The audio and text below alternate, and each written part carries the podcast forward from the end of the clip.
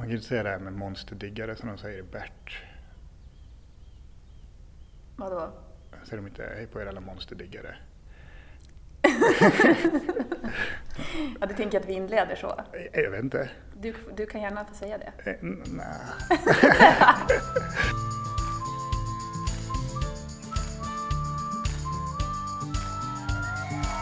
Låt dig smittas av glädje i podcasten som förgyller din dag. Välkommen till Glädjepodden med Sandra och gäster. Jag sitter just nu på Elite Mimer Hotel med Dennis Dahlberg som vann priset Årets gladaste medarbetare 2022. Och eh, innan vi välkomnar dig Dennis så ska jag säga stort tack till Elite för att vi får spela in poddavsnittet här. Och så ska jag också passa på att tacka Glimja och Cosmetic Treasures som är med och ger veckans glädjeerbjudanden lite senare i det här avsnittet. Och eh, såklart också varmt välkommen till dig som lyssnar. Om du inte redan prenumererar på den här podden så får du gärna göra det. Och eh, vill du komma i kontakt med mig så hittar du mina kontaktuppgifter i poddbeskrivningen. Och känner du sen att du vill dela Dennis glädje vidare så dela gärna det här avsnittet.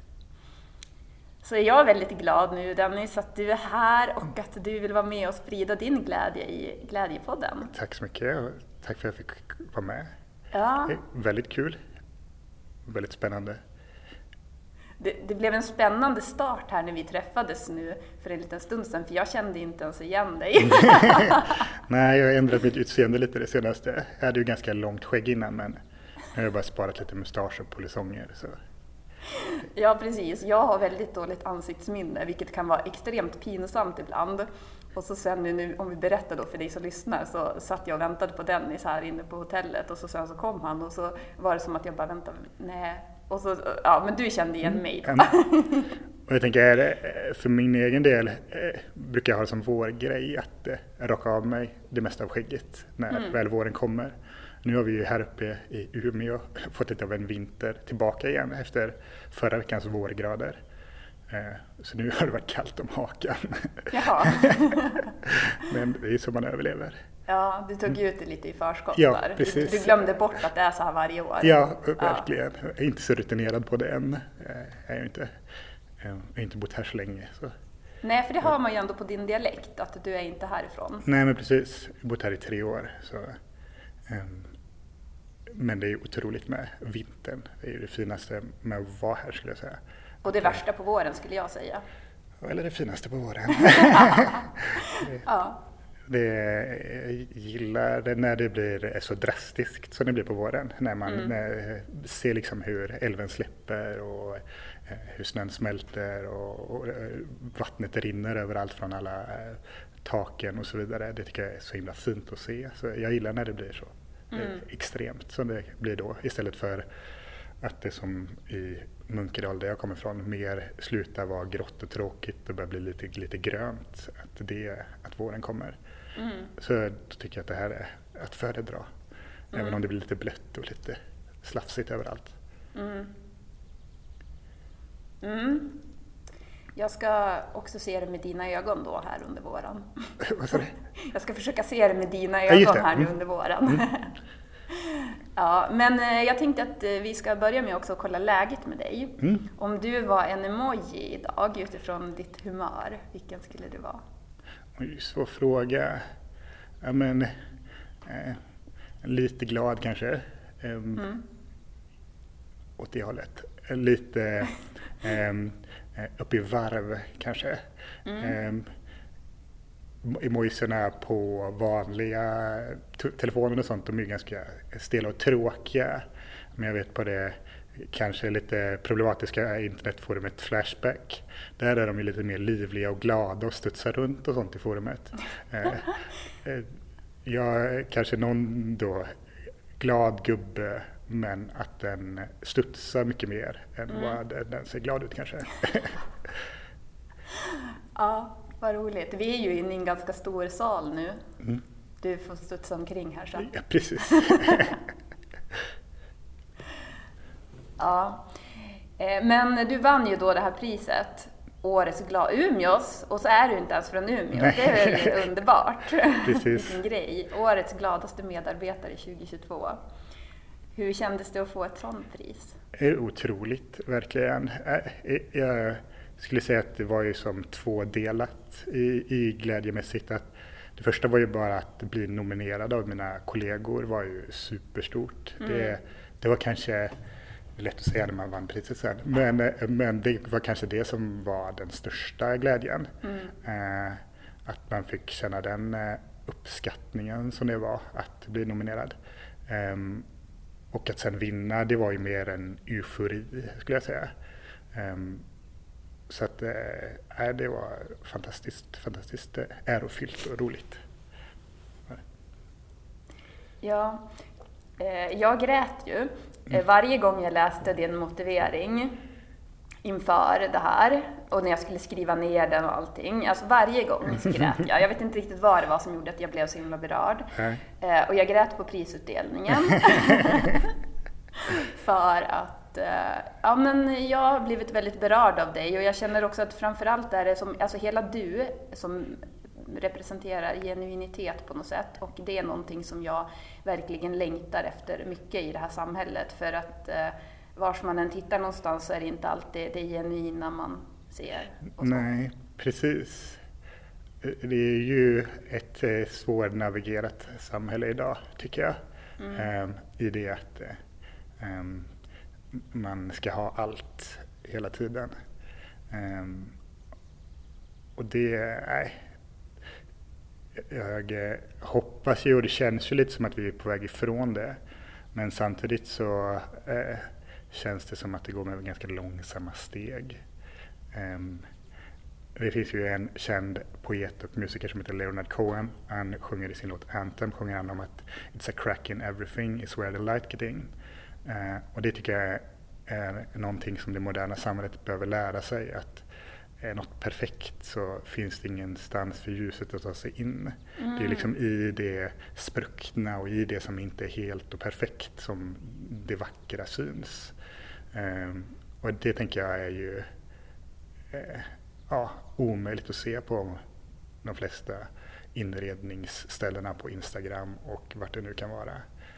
Um, Nej men om man ser på det som anses vara förebilder idag mm. så är det ju mycket hur många följare man har eller ja, men vad man ser utåt sett och det är ju väldigt mycket någonstans perfektion också. Mm. Att det, finns ju, det finns ju någon eh, dokumentär nu som jag inte har sett men jag vet finns på SVT Play om så influencers som får bli sponsrade med skönhetsoperationer. Mm. Eh, är det det vi vill ha som en norm? Att den här perfektion, alltså eftersträva någon form av perfektion mm. som egentligen inte ens existerar? Mm. Eller är det mer som att vi vill se Verkligen, jag vet att, eh, att eh, för några år sedan gjorde de ju, om det var förra valet eller om det var eh, för, hur många val som det var, men då frågade de ju en del av politikerna vilken som var deras svaghet. Mm. Och då lyfte de ju deras svaghet i, i liksom ordalag som men jag kanske är lite för mycket en perfektionist. Eller jag kanske är, att de tog en bra, i deras ögon bra egenskap och sa att de var för mycket av den. Mm. Snarare än att de lyfte upp någonting som var en faktiskt eh, riktig svaghet.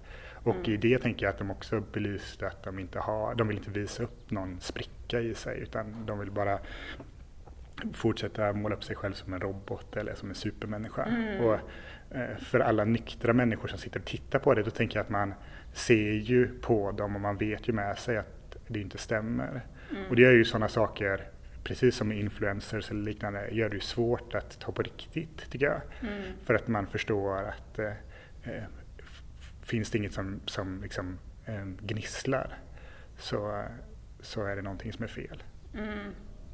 Jo precis, och så sen kan det också komma det här att det blir åt andra hållet. Att det blir så här, åh jag ska visa upp att jag är så på riktigt. Mm. Och så ska det visas upp, alltså så här, eh, att man nästan, vad ska man säga, folk får göra som de vill. Mm. Men att man visar upp lite för mycket mm. på något sätt. Mm. Av också, åh se hur dåligt det är. Mm. Och, jaha, men mm. alltså.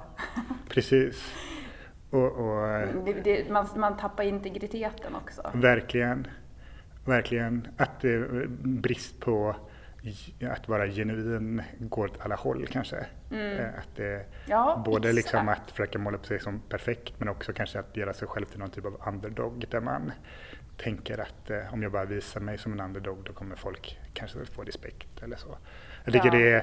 det eh, visades ganska tydligt för någon vecka sedan när jag såg ett par, jag, inte som jag följer själv, men eh, såg på, på Instagram om några som var sponsrade av eh Ehm, ett eh, eh, begravningsföretag och att de då eh, skulle sälja in det här. Och det är i sig inget konstigt att vara, vara ehm, sponsrad av kanske ett begravningsföretag men i det här fallet så målade de upp då en som målade upp sin farbrors död och en som målade upp ehm, en person som de hade känt vid något landställes död och sen liksom skrev om det i då ett sponsrat inlägg. Och det tycker jag också finns någonting vulgärt i att använda döden eller allting i samhället eh, som någon typ av konto, någonting som går att sälja. Mm. Jag tycker det känns eh, fult. Mm. Eh, så.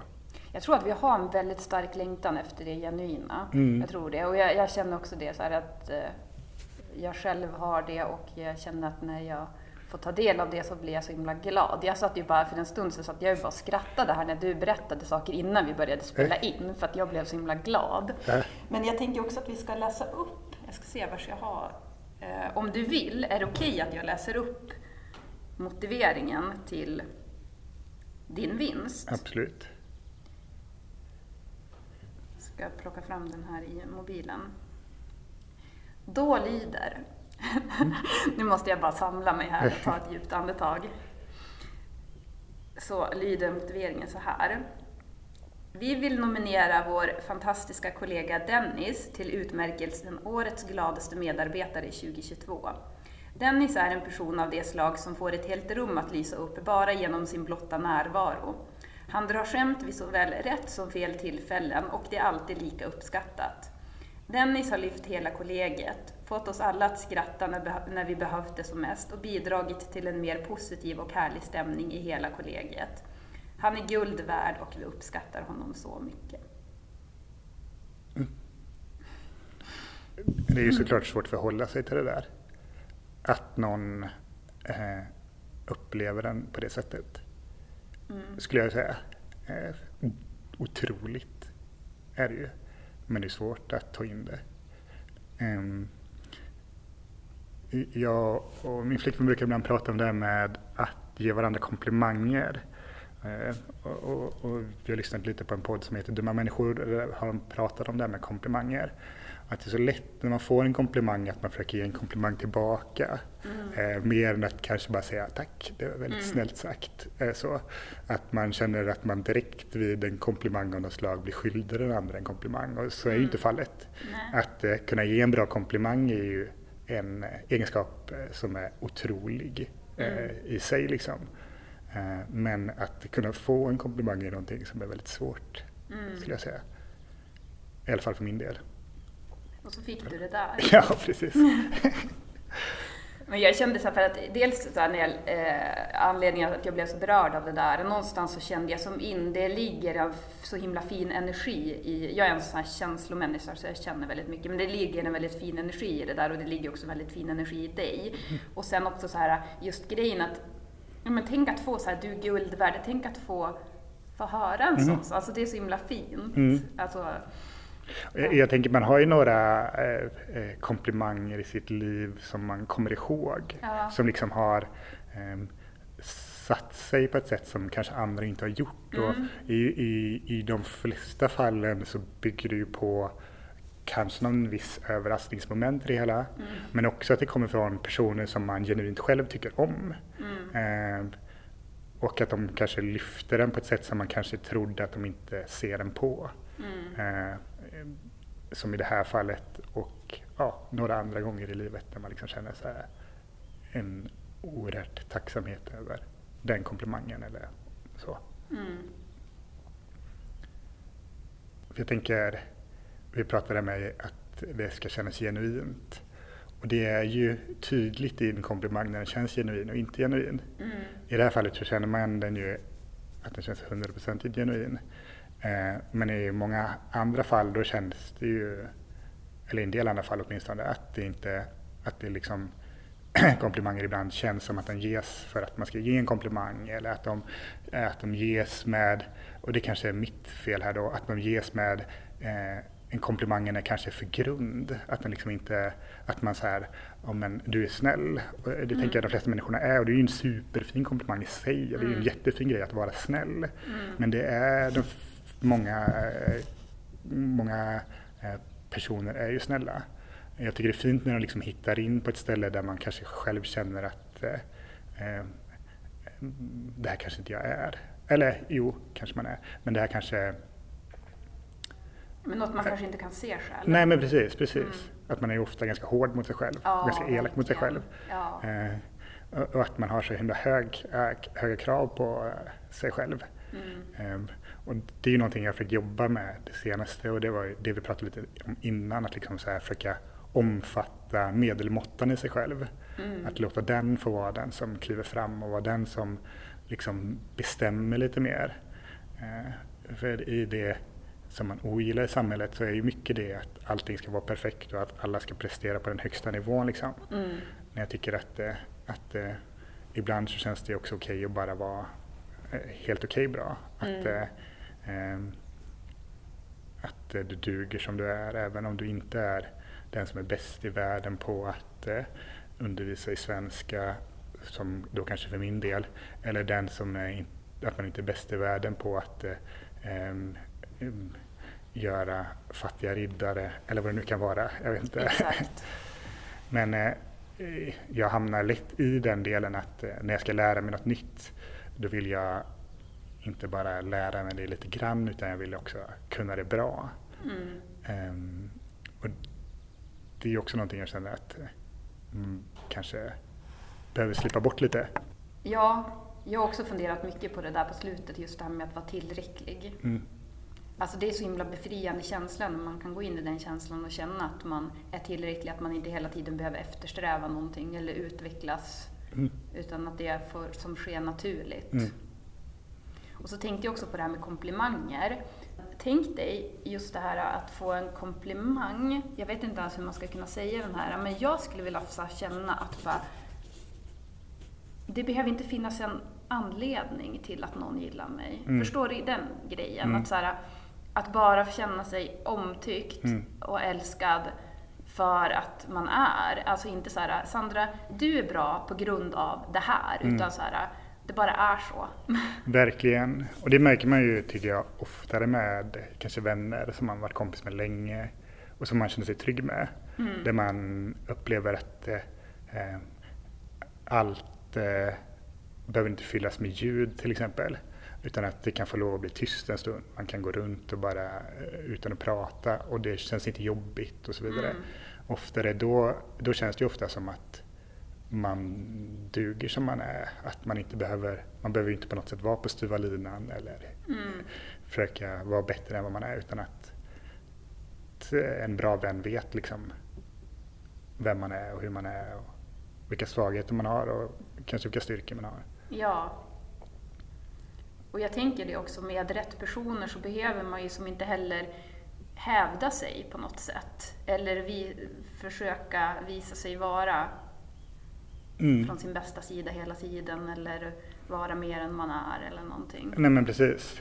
Men det är väl också lite beroende på hur man är uppväxt. För att är man inte uppväxt med att man får känna att man får vara precis som man är eller att det är okej att vara i alla humör mm. eller du vet sådär. Så kan det ju vara också mycket om man relaterar till skolan då. Mm. Att, eh, ja men kanske har man känt så i skolan att jag får inte vara på ett visst sätt i vissa sammanhang och så har det, man satt, det har lyckats sätta sig som i en, att mm. det är som en sanning man har med sig, att jag duger inte när jag är på det här sättet. Mm.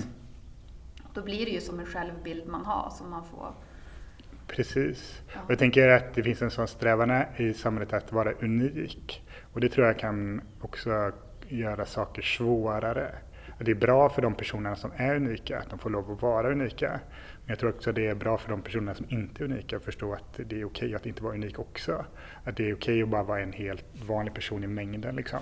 Eh, som inte har, eh, inte är eh, gotare eller inte eh, skatare eller vad det nu kan vara för subgenre man håller på. eh, vilken subgenre man nu väljer att tillhöra liksom så. utan att, att liksom det, är, en, det är fullt rimligt att bara vara, de flesta kommer bara vara en i mängden och in, på inget sätt unik och det är ju superbra. För jag tänker, eh, är, där får man också lov att vara liksom. Men att eh, det, har blivit, eh, det är så mycket att man ska vara unik, att man ska sticka ut, att man så, det är då man ska bli ihågkommen och så vidare. Ja, just det. Ehm, Och jag, jag tror personligen att jag tycker mer att det där var viktigt för mig tidigare i livet än nu. Mm. Liksom så. Att man någonstans eh, ville att folk skulle veta vem man var och så vidare. Mm. Men nu är det ganska skönt, och, skö- eh, skönt att föra en relativt anonym tillvaro. Mm. Kunna gå på stan, eh, ingen som kommer. Och man behöver, ja, det hade varit eh, jobbigt tror jag att vara känd, att folk kommer fram och pratar med en. Det känns ju ointressant för egen del. Så, Det sa Leonardo DiCaprio. Mm. Frid, jag bara, nej men så här, frihet, det är att sitta på ett... Tänk att få sitta på en restaurang Mm. i fred. mm, precis. Det är ju superskönt, kan vi hälsa Ja, honom. men, ja precis. Jo. Och så tro, för det är ju det där som blir så fel, för att det är så många som eftersträvar det här med att någon form av kändisskap. Mm. För att det är någonting, det är en tomhet i sig själv som Mm. man letar efter, som man försöker fylla. Och man tror att man kan fylla den. Men det är också så många kändisar som man ser som istället tar sitt liv eller börjar med Mm. droger för att det är ju den här det går ju aldrig att fylla, för jag tror att man blir ännu mer ledsen då om man tänker så här att, ja men titta, jag har en hel drös som går efter mig och vill ha min autograf, men jag är Mm. fortfarande inte lycklig, för det är Mm. inte det som skapar lyckan. Och så upplever man då så här, men vad är då lycka för någonting? När är jag älskad? När känner jag mig bra? Precis, och det jag tänker det är samma sak hos eh, alla karriärister och sånt också liksom. Att Mm. man eh, då tjänar ännu mer pengar, man kan åka på ännu fler fjällsemestrar. Mm. Men eh, man känner sig fortfarande inte lycklig liksom. Mm. Eh, och eh, ja, Fjällsemestern är inte lösningen. Nej, inte alltid. Jag tror att eh, när någonting på riktigt känns som ett unn, då tror jag att det eh, kan vara något bra. Men när det bara känns som ett måste liksom. Att eh, em, ibland eh, så blir det väl saker som man tänker att ja, men de här sakerna ska vara det som eh, det här är den optimala njutningen. Att få åka till fjällen, sitta på, eh, åka skidor hela dagen, sitta i en bastu, dricka öl, gå på afterski. Att det är den optimala njutningen. Jag tror att eh, folk ibland stillar sig mer blind på vad andra människor ser som den optimala njutningen än vad man själv tycker är det perfekta. Exakt. Jag tycker mer, jag går hellre en lång promenad med min hund runt älven än åka till fjällen. Mm. Eh, för att det är det jag uppskattar och det jag tycker om. Mm. Eh, men att man eh, så enkelt hamnar i ja, men, en status. Exakt, hur det ska se ut Mm. utifrån. Att det är så här flashigare att komma tillbaka till jobbet och bara, ja, jag var i fjällen, Mm. än jag var och gick runt älven. Mm, precis. Men jag tänker också att det ska finnas en måttfullhet i saker. Mm. Alltså så här, det är klart att man ska få åka till fjällen, det är klart att man ska få åka utomlands, det är klart att man ska kunna äta kött, det är klart att man ska kunna göra alla de här sakerna. Mm. Men du kommer inte kunna göra allting hela tiden jämt. När jag var liten då, då åkte vi till fjällen en gång per år och vi åkte utomlands kanske en gång var femte år. Eh, Mm. Kanske var tionde, Mm. något åt det hållet. Väldigt, väldigt sällan. Och, och, och vi hade det ganska bra ställt så. Ehm, man vet många andra som absolut inte åkte utomlands eller inte åkte till fjällen. Liksom. Det var ju ganska vanligt skulle jag säga, i alla fall då i Munkedal. Ehm, jag skulle säga idag eh, så åker extremt mycket fler utomlands och så. Och man ser ju i dagarna i tidningen har det stått om det här med att eh, det börjar bli svårt för folk att ha råd att åka till fjällen och så vidare. Man märker att vi har levt i en tid där vi har haft det extremt, extremt bra. Man har bara kunnat eh, att göra saker utan Mm. att fundera på hur mycket pengar man har i plånboken. Mm. Eh, för vi har haft det extremt bra. Och det är ju supertråkigt nu när det blir tufft igen ekonomiskt för att man behöver fundera på saker. Men det kan ju vara bra Mm. att börja fundera på sina beteenden, sina eh, resor, sina, eh, eh, sina eh, mönster i livet. Liksom. Jo men precis, det är, alltså försöka någonstans ha en, bara man är medveten, alltså ha en medvetenhet om att här, jag vet att det inte är något bra att flyga. Mm. Jag kanske inte alltid behöver flyga då när jag ska ta en resa i Sverige. Mm. Att man tänker så, att man försöker som alla så gott vi kan och sen att vi inte behöver vara uteslutande på något sätt. Nej. Eller så, men Precis.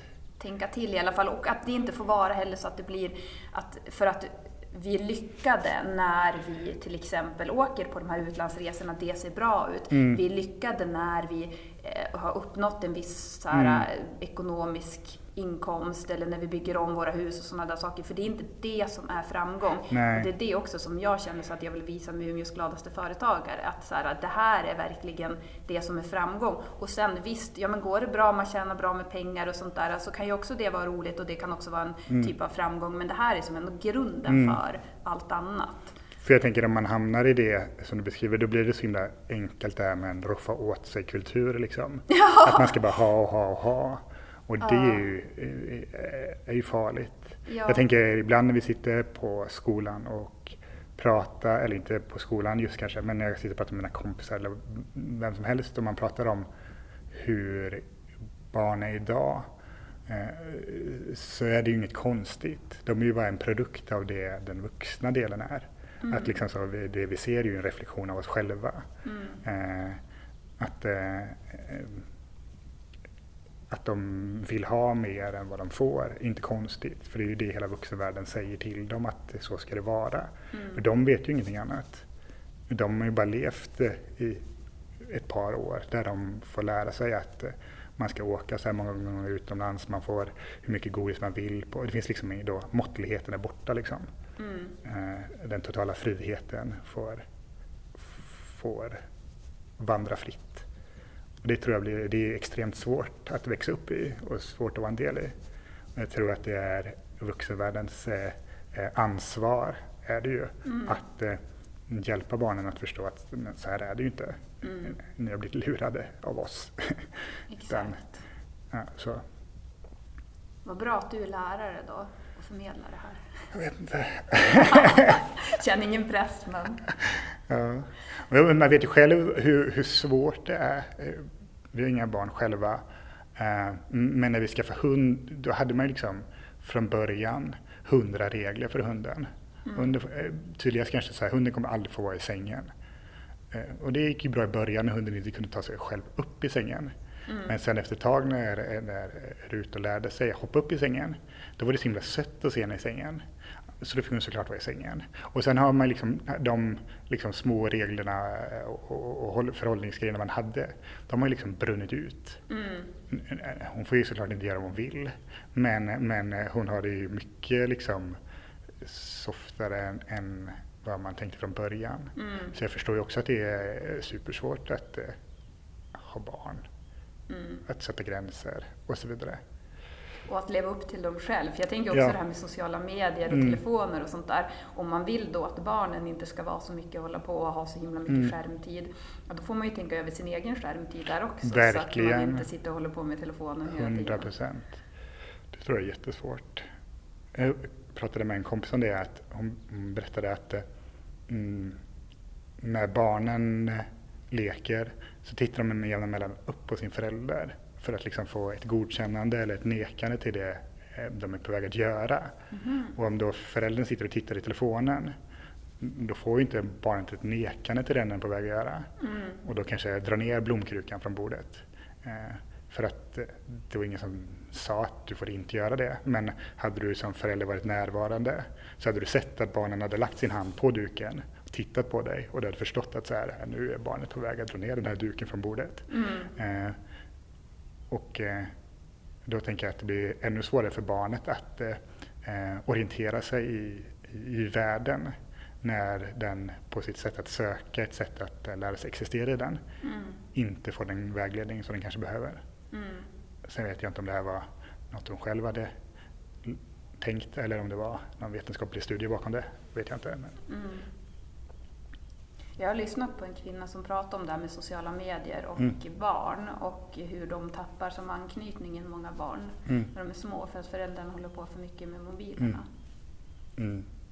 Så att, men det är ju en sån där grej man får vänja sig för att jag, nu har jag i helgen har inte jag kollat sociala medier Mm. överhuvudtaget.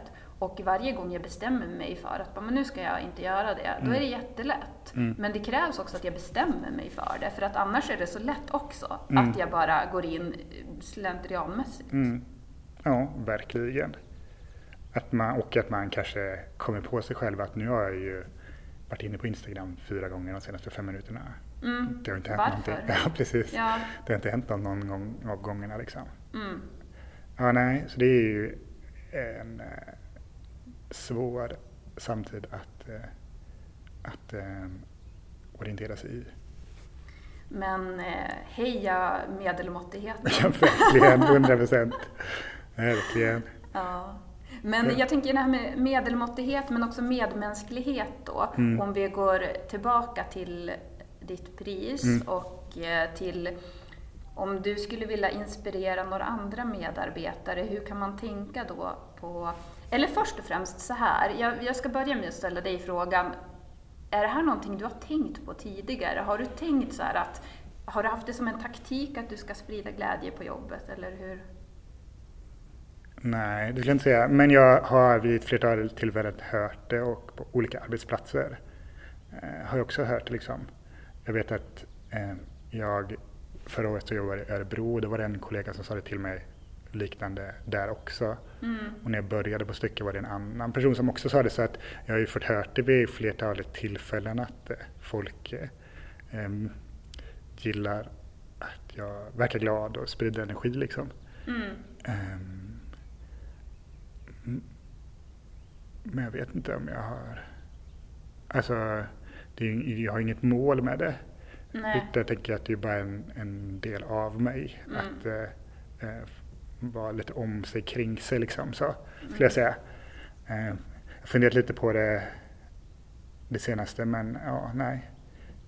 Eh, eh, Jag tror att jag har ganska liten del i mitt huvud som eh, stoppar saker.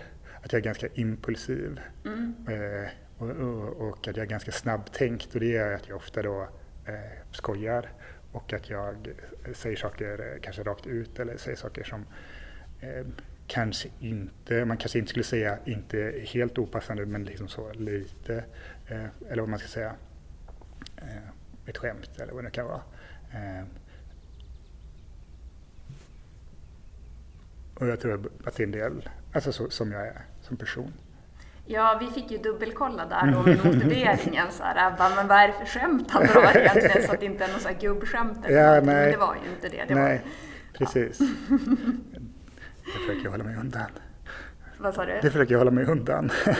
Ja, men jag, min kompis Annika hon brukar säga det att gubbstruttarna är utdöende. Mm. Men jag stötte faktiskt på en, det var bara ett par veckor sedan, Mm. någon som drog något sånt här om, det var, det var länge sedan sist men ändå, nu var det någon som kom med det här med Glädjefabriken och drog eh, dåliga associationer. Just det, jag Ja, förstår eh, hur den eh, gjorde det. ja, Ja, så, så, men de är utdöende. ja jag menar det. Ja. Det är ju bra, Mm, tänker jag. väldigt bra. För de, det kan vi klara oss utan. Vi klarar oss utan det. Ja. Men man blir också lite, man ser ju en del sådana saker i, i, i sociala medier också om eh, the revenge of, alltså reva, eh, revanschen för den maskulina mannen liksom. Med eh, Andrew Tate eller med eh, Jordan B. Peterson eller vad de heter. Att liksom så, eh, en- en man ska klara sig själv, en man ska vara framåt, den ska bestämma, den ska vara den som är, liksom har ha makten i förhållandet och så vidare. Mm. Så att det finns ju en sån puttrande eh, vardag och, eller eh, verklighet också tänker jag. Men Ja, man ser ju ofta ganska... Jag känner inte till det. Nej, Mm, men man ser ju ganska ofta att det ganska fort går åt helvete. Eh, Då som Andrew Tate som greps ganska nyss mm, mm, för att han håller på med trafficking och så vidare. Och Oj då. det är ju ja, fruktansvärt och det är där det verkar som det ham- hamnar typ alltid. Att Mm. den verkar vara bra, positiva, tycker då en del killar, eh, manliga förebilder. Mm. Men att det ja, spårar alltid ut, som det alltid har gjort. Men vad skulle du säga är en bra manlig förebild? Eh, vet inte. Alltså, eh, i någon typ av mjukhet såklart. Eh, för att eh, eh, mm, men också att vara medelmåttig. Nu hycklar jag igen här då, men Hyckla på. Det gör jag i varje avsnitt. Ja, ehm, men att vara, att vara medelmåttig, jag tycker mycket i det här att vara man handlar om att eh, du ska bemästra saker, du ska vara så himla bra på saker som möjligt. Eh, att man då ska, ska jag lära mig att så saker, då ska jag inte bara göra det lite grann utan då ska jag göra det så bra som möjligt. Ska jag lära mig att, eh, att eh, göra en bearnaisesås, då ska jag liksom inte göra en helt okej okay bearnaisesås utan då ska jag göra en bearnaisesås som skulle kunna serveras på de finaste restaurangerna och så vidare. Att jag, det, det finns alltid liksom den, en strävan i manligheten att, eh, att vara så himla bra, att visa upp sig liksom. Och, och, eh, det- tror jag eh, man kan försöka jobba med att få bort lite grann. Mm. För det... Jag vet inte. Men där är jag ju 100% varje gång. Så fort jag... Jag skulle försöka... Jag håller på med att eh, baka focaccia hemma. Och, och då nöjer jag mig inte med att den blir okej. Utan den ska ju bli svinbra. Ehm, och det finns väl något bra i det också men när det är i alla eh, givna saker man antar sig i livet då tror jag inte det är så bra. Nej, att man Ehm. får vara tillräcklig. Ja, men precis. Mm. Nej, men jag eh, tror på något sätt att, eh, att eh, inte vara eller att vara mjuk och att em, fundera på vad man själv gör. Så. Eh, vad, eh, hur, hur ser det ut i min hemsituation? Vad, vad gör jag där? Eh, är jag med och, och bidrar i hemmet eller sitter jag mest vid eh, tvn och tittar på tv? Ehm, och så vidare. Att man eh, reflekterar, det tror jag är en viktig del av manligheten. Mm. Eh, kanske. Jo, men jag tänker också ehm, det här med att skapa trygghet. Mm. Att det kan också vara en, eh, en bra egenskap. Eh, och det är också någonting som vi har fått höra om dig på jobbet, att du skapar trygghet på jobbet. Och även då när du pratar om det här med mjukhet, att Mm. det är eh, det var en som sa, det, en av dina kollegor som hade sagt att hon aldrig sett någon som är så fin med barn. En, Mm. Eller hon har aldrig sett en man som är så fin med barn som du. Uh, återigen svårt att förhålla sig till att folk säger så men, men eh, ja, det är otroligt. Såklart.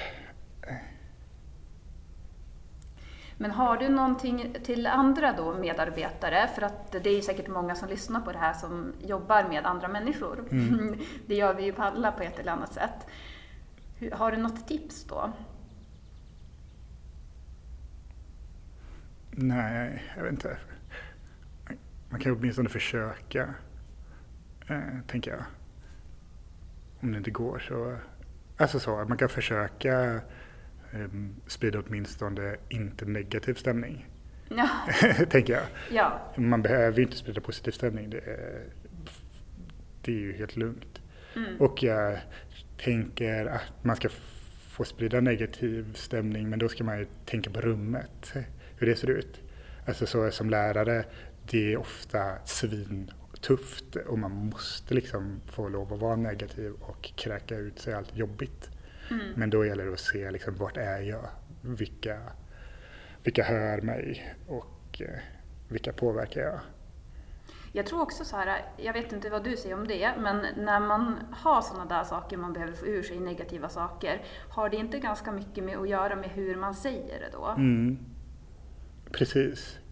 Och på de flesta ställena jag har varit så handlar det ju mycket om att man försöker få ur det sig med humor och det gör det ju Ja, mycket lättare. Eh, att man, i, ibland blir det klagande såklart men ofta så blir det att man skojar om det. Mm. Och det kan ju låta fruktansvärt ibland. För att, eh, eller det kanske inte låter fruktansvärt, men det kan låta lite konstigt ibland åtminstone. Ehm, för att man skojar om ganska allvarliga saker. Men eh, i, det är ju ett stängt rum. Det är eh, i, på ett sätt som att man försöker liksom, vad säger man, eh, göra det mindre jobbigt och Mm. göra att man kanske går till jobbet dagen efter och eh, kanske gör det bättre då. Jo, men precis. Jag tror också att humor är det, är det bästa sättet att distansera sig, kan Mm. jag tycka.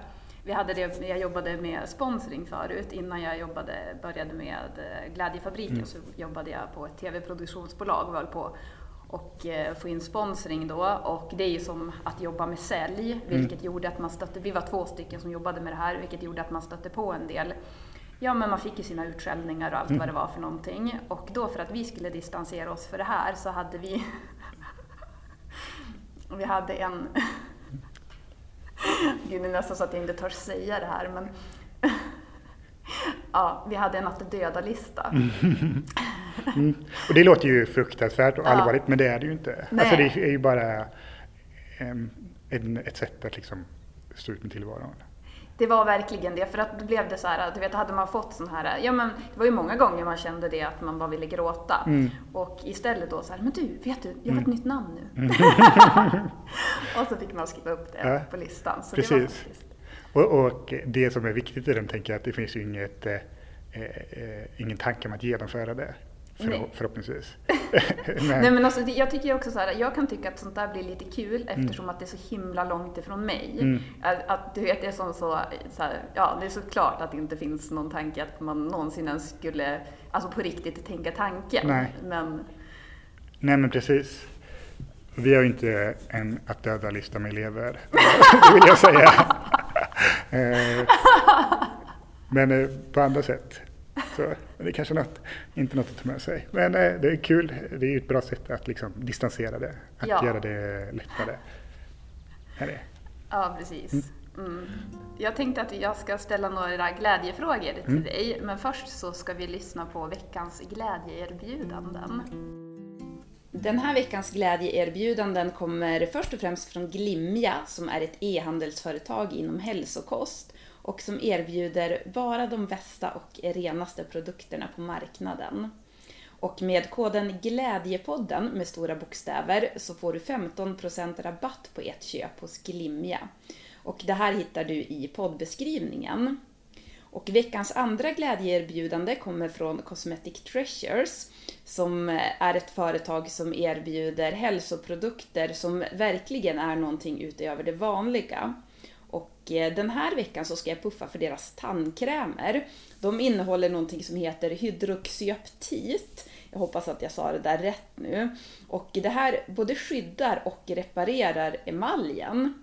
Och sen så innehåller de också enzymer som löser upp tandplacket och eh, de flesta är fria från fluor, de alla är fria från titandioxid, sackarin, SLS och starka slipande produkter.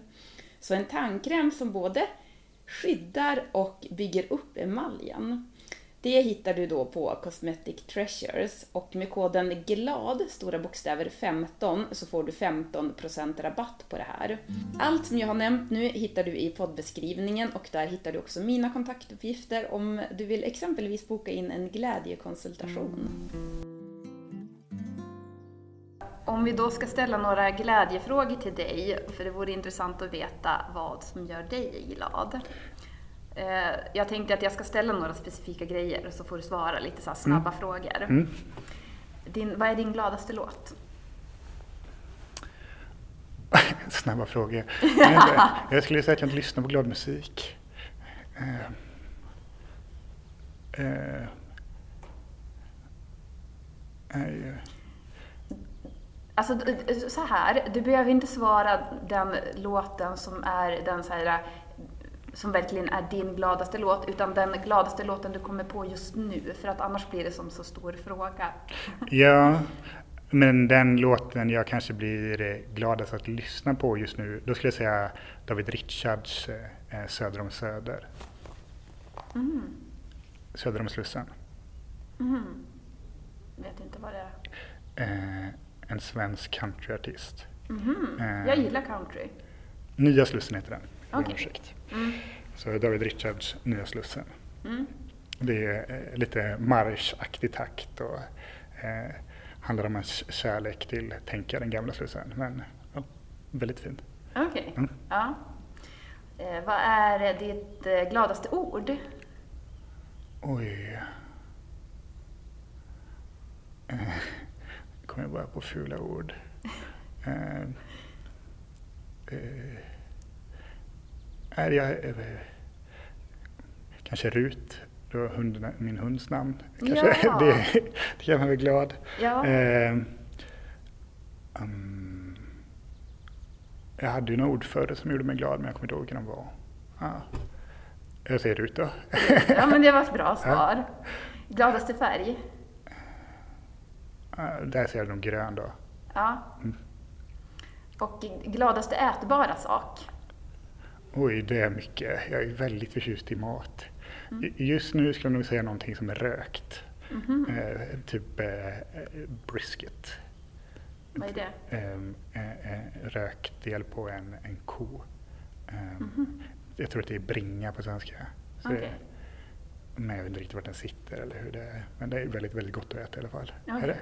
Mm. De, det finns ett ställe här i stan som är otroligt bra på den typen av mat. Mm. Ehm, så att äta där, det är ju min gladaste mat. Jag säga. Mm. Vi brukar också skicka med en glädjeboost till de som lyssnar. Någonting som man kan göra under en veckas tid för att antingen bli gladare själv eller att sprida glädje till någon annan. Någon boost som jag har? Ja, Eh, ja, eh, det var en svår fråga. Vad gör, vad gör jag för någon glädjeboost?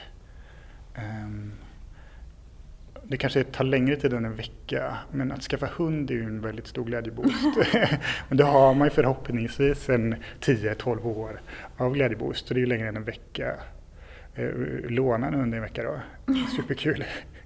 Ja, vissa veckor så kan jag säga att min hund är till utlåning. Men hon är riktigt jobbig. Ja. Men eh, nu är hon, just nu är hon inte det. Eh, Så man får höra av sig. Okej. Nej, jag skojar. Vi lägger ditt telefonnummer i poddbeskrivningen då. Så. Ja. Annars kanske jag lyssnar på en bra podd. Då. Lyssna på Glädjepodden. Ja, Glädjepodden, precis. Eh, Annars skulle jag kunna rekommendera Rollspelsklubben som podd. Den är ju väldigt kul, tramsig, det gillar jag. Rollspelsklubben. Klubben, Mm. Mm. precis. Väldigt, väldigt kul. Mm.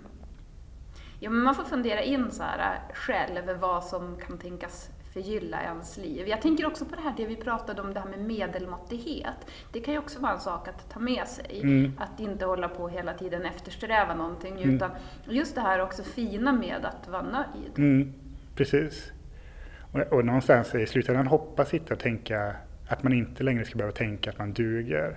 Utan liksom förstå att man duger. I det att vi inte, när man har nått medelmåttigheten och tänker att man bara vet att det här, jag behöver inte aldrig mer tänka den tanken utan jag vet att det är okej ändå. Wow! När man inte behöver tänka det mer, man bara har förstått Ja. det. Och då tror jag man har nått medelmåttigheten. Och då, då tror jag livet kommer att vara perfekt efter det. Uppnå medelmåttighet. Ja. Din inre medelmåttighet. Ja. Ja, exakt. Gud vad inspirerande. Man behöver inte ens tänka tanken. Man har förstått det. Mm. Och just också det här att man inte behöver, ja men det här med att man, med komplimanger också, att man så här, men tänk att man tycker faktiskt om människor, inte av någon anledning. Det Mm. behöver inte ens finnas en anledning. Mm. Det behöver inte vara så här, åh Dennis, du är bra för att du är så himla snäll eller för att du skämtar. Utan bara så här, men jag bara gillar dig. Mm. Bara så. Precis. För det är så man själv vill känna. Ja, Man, är bara, man bara gillas. verkligen. Som man är. Verkligen. Ibland bra, ibland dålig. Eller vad, inget egentligen, alltså man behöver inte definiera det heller utan man får bara vara. Mm. 100 procent. Det tror jag är viktigt. Ja, Att bara få existera. bara för att existera. Mm. Ja, för jag tror ju det. Alltså om man alla skulle känna att man bara får existera. Då skulle nog alla vara väldigt glada och snälla. Mm. Och jag tror inte att det är så många som skulle kriga och hålla på. Nej, precis. Och det är ju också något väldigt bra om vi skulle slippa det. såklart. Ja, det är ju mycket skit som skulle försvinna. Ja. Jag hörde någon som pratade om det nyss, här, att det känns som samhället har kommit så långt så vi, så vi skulle förstå idén att det, krig är något väldigt dumt. Mm. Men eh, av allt att döma så går vi åt helt andra hållet istället. Att då såklart med det fruktansvärda anfallskriget från Ryssland mot Ukraina Mm. i, i top of mind. Men man ser också hur mm, med, till följd av det att allting rustas upp ännu mer, att man satsar ännu mer pengar på eh, militära. Det känns ju så fruktansvärt bortkastat egentligen. Mm. Att bara kasta in miljard efter miljard där.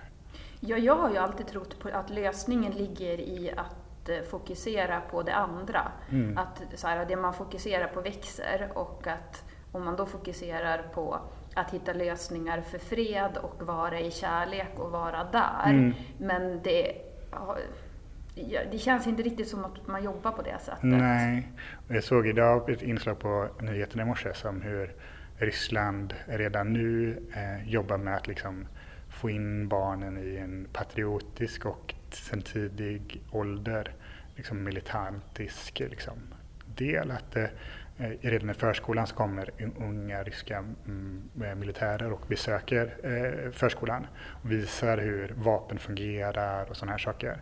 För att de här barnen ska bli inspirerade av det och tänka att det är någonting bra. Mm. Och då bli patriotiska och eh, lära sig lite om, om den militanta delen. Och det är ju fruktansvärt hemskt att höra om. Alltså där eftersträvas ju inte medelmåttighet om man säger så, utan där är det ju den här hävdan. Ja, precis. Men allt de får ut verkar ju vara någon typ av medelmåttighet för de är ju väldigt många fler än de från Ukraina. Men eh, det är ju många fler som dör också. För att de verkar vara så dåligt eh, förberedda och så vidare. Nu vet jag inte så jättemycket om det men Ja men krig är ju, det är ju mycket hävda, alltså hävda Mm. sig och makt och Verkligen. så vidare. Och då är man ju inte nöjd och då är man ju inte i det där att man har fattat att man kan existera och duga utan då ska man ju... Nej, precis. Men man, jag tänker man märker vad farlig för mycket makt det är. Mm. Eh, för en, en människa eller en grupp människor. Att eh, man blir paranoid och så vidare. Eh, Ja, nej. Ja. Ja, men du, eh, vi ska börja avsluta. Mm. Har du någonting du vill tillägga? Nej, jag tror inte det. Jag tror jag mig klar. jag tror att det var allt jag hade att säga. Jag tror att vi skulle säkert, vi skulle säkert ha mycket mer att prata Mm. om om vi bara fortsätter, men eh, vi får väl se. Vi kanske tar en uppföljare någon gång Just det. ja, jag är i alla fall jättetacksam att du var här. Mm, det var väldigt Eh, kul. Eh, Jag kommer aldrig lyssna på det. Kommer du inte? Nej. Det, jag tror jag skulle skämmas ihjäl då. Allt dumt jag sagt och alla konstiga pauser. Och, jag vet inte. Nej, men du ska ju eftersträva att du ska vara nöjd. Ja, precis. Och det tror jag är lättast att göra skit att lyssna på det. Ja, så kanske det är. Jag vet inte. Ja. Det är så svårt också att höra sin egen röst och alla de här sakerna. Alltså, det, det jag vet inte. Nu hycklar jag igen då, genom att säga att jag eh, vet att det kommer bli medelmåttigt men jag kommer inte vilja lyssna på det för att det känns medelmåttigt. Ja. Då kanske då när jag uppnått min medelmåttighet, då kanske jag kan lyssna på det. Så säger jag mellan 12 och 15 år, då tror jag att jag kan lyssna på det. Jag ska jobba på det här också eftersom att jag klipper ju alltid avsnitten Just det. själv. Och då blir det ju jätteofta, jag bara, nej men gud vad sa jag där? Varför sa jag inte det? Hur alltså, och, och, jag har börjat vänja mig med min röst men eh, det är just det här också så här, kan jag skratta lite tystare, lite mer, alltså du vet sådana där saker. Så att, eh, mm, det. jag har lite att öva på. Men det, det har man ju hela livet. Så att, men du, vet du, nu har jag en komplex sak här. Mm. Tänk om man inte ens ska eftersträva medelmåttighet. Utan om man, inte ens, alltså, om man bara ska inte eftersträva någonting. Att man bara ska vara. Ja, För då kanske man automatiskt ändå uppnår det där varandet som du pratade om. ja, men kanske att man behöver någon riktning. Ja, kanske att man kan ha en liten riktning, men man behöver inte känna att man behöver vara där. För att annars då kan det bli så här att ja, men nu vill jag vara medelmåttig och jag vill känna att jag är tillräcklig. Och så sitter man och lyssnar och så är man inte det. Och så då bara, men vänta just det, jag skulle vara medelmåttig. Och så blir det Just det. Men jag tänker med, med medelmåttigheten vill man ju också, un, i alla fall jag än så länge då, undvika att vara dålig. jag tänker medelmåttigheten är ju någonstans att man är i mitten liksom. Mm. Men jag vill heller inte vara, kanske vara dålig på alla saker jag gör. Nej. Det kan ju bli en fara. Mm. Så att man är dålig på att köra bil, då, då kan det bli fara. Men att vara medelmåttig, då tänker jag då att man aldrig kommer krocka. Men att man, man kan liksom inte göra några coola burnouts eller vad det nu heter. Nej, men, och så sen att man får vara asbra också. Man får även vara exceptionell. Ja. Men eh, det är inte målet. Eller, Nej. det är, eller så här, värdet i en själv ligger inte i att vara exceptionell. Nej. Utan, Ja, vi säger inte till folk som är bra på saker och sluta vara det. nej, precis. det Ja. så någon jättebra läkare på att operera hjärnor och sånt. De får gärna vara Kör annat på. än medelmåttiga på att operera hjärnor. Jo, men det är väl egentligen inte det medelmåttan kanske handlar om heller, utan det är väl mera kanske bara att man så här, någonstans accepterar sig själv Mm. och så får man utifrån det där. Och så sen också att man ser det, för jag har alltid jag har haft komplex över att jag inte haft någon talang. Mm. För att när man växer upp, då är det så här, om du är bra på att sjunga, om du är bra på att spela fotboll, om du är bra på att rita, om Mm. du är bra på, vad finns det mer, laga mat, eh, dansa. Mm. Om du är asbra på någon av de här grejerna, Mm. då är du en talang. Mm. Annars har du ingen talang. Mm. Så jag har ju alltid trott att ja, men jag har ingen talang. Mm. Ja, precis. Och det är ju en stor brist i samhället, tänker jag. Mm. Att, eh, det är ju redan från ung ålder värderas man utifrån eh, att, att vara exceptionell. Mm. Och är man inte det så... Det, jag tänker det, det, det viktiga är att fånga upp de andra som inte är de där grejerna och hjälpa dem med sin medelmåttighet. Jo men precis, att se då så att det är inte bara just de här grejerna Mm. som är en talang. Mm. Utan det var faktiskt så himla fint för att jag fick det från eh, ja, men en, en person som eh, jobbar i skola också. Mm. Eh, så fick jag, då hade, eh, ja men det var någon bild då på några barn som hade ritat så här och så sen så skulle de skriva så här, vad är din superhjältekraft? Mm. Och så hade den här då ritat en superhjälte och så sen så stod det att vara snäll. Mm. Mm, det är ju superbra. Ja, jo, men det tänker Mm. jag att gud vad fint att barnet har som sett Mm. det superhjältekraften att vara snäll. Verkligen. Ja. Lika väl som jag sa förut att eh, det kan kännas som att det inte är en riktig komplimang när eh, någon säger att man är snäll. Mm. Så är det ju en superkomplimang. Mm. Att liksom så här, eh, det har blivit så att man ska vara så ex- exceptionell. Så att vara snäll är liksom, är man snäll då är det lika med att vara tråkig. Mm. Och så behöver det ju absolut inte vara. Nej. Eh, Det är ju ganska många som behöver träna på att vara snälla. Ja, men är det inte också ganska många som har blivit dumpade av någon som har sagt så här, alltså jag tycker att du är snäll, men Mm, jag tänker det.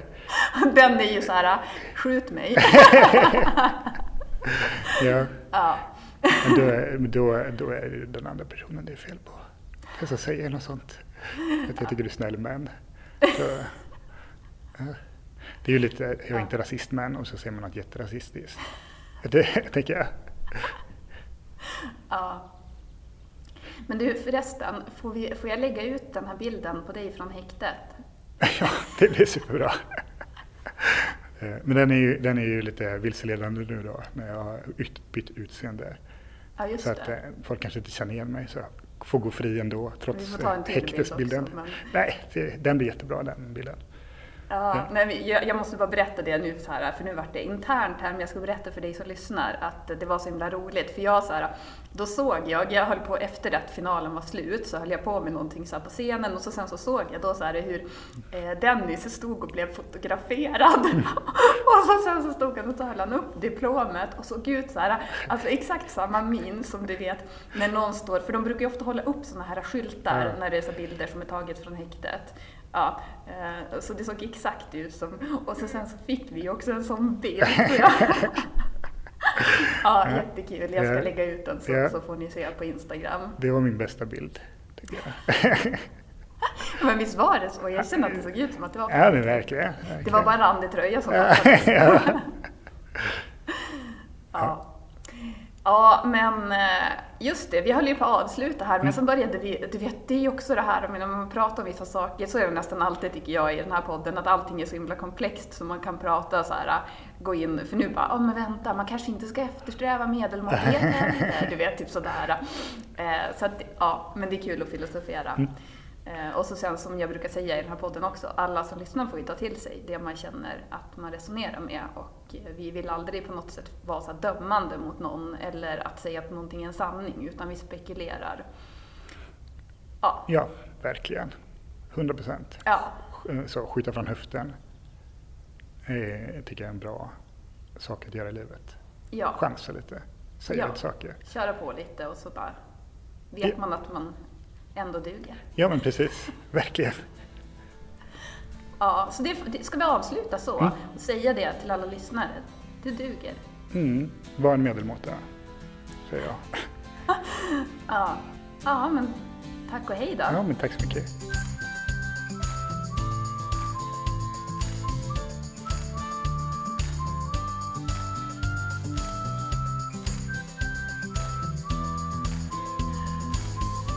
Ja, vi bjuder på lite extra material här Mm. nu efter, för dig som är kvar nu. Vi tänkte att vi skulle bjuda på något riktigt kul. Dennis skämtar. Men en eh, klassisk fråga. Eh, om du bara fick äta en pizza för resten av ditt liv, Mm. vilken pizza hade du då ätit? Eh, först måste jag säga att då måste den vara glutenfri eftersom att jag inte tål gluten. Ja, men det, det, eh, det behöver man inte tänka på, tänker jag. Utan det, det är automatiskt. så. Det är automatiskt vad det ska Ja. vara på den Ja, för precis. någonting. Ehm, då skulle jag ta paprika, rödlök, eh, oliver, kronärtskocka. Just det. Finns det en sån pizza?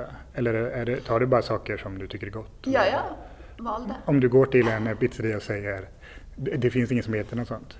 Men jag tror att det finns någon sån här vegetarisk variant som så här, ja, Just det. det. Du då? Ja, jag skulle nog vilja ha en hawaii med bearnaisesås då, om man bara får en resten av sitt liv. Hawaii med bearnaisesås, det är lite ovanligt va? Jag vet inte, det är nog olika vart man är i Sverige tror jag. Ja. Att, eh, nu har väl pizzakulturen kanske blivit eh, att allt blir lite mer likadant överallt. Men mm, tänker på vissa ställen där eh, var det, i Linköping till exempel när jag bodde där, då är det mycket att folk käkar hawaii med bearnaisesås på. Kanske bara var min klick som jag umgicks i. Jag vet inte. Ja. Men eh, ja, den skulle jag nog välja då. Så får vi skicka med frågan också till lyssnarna.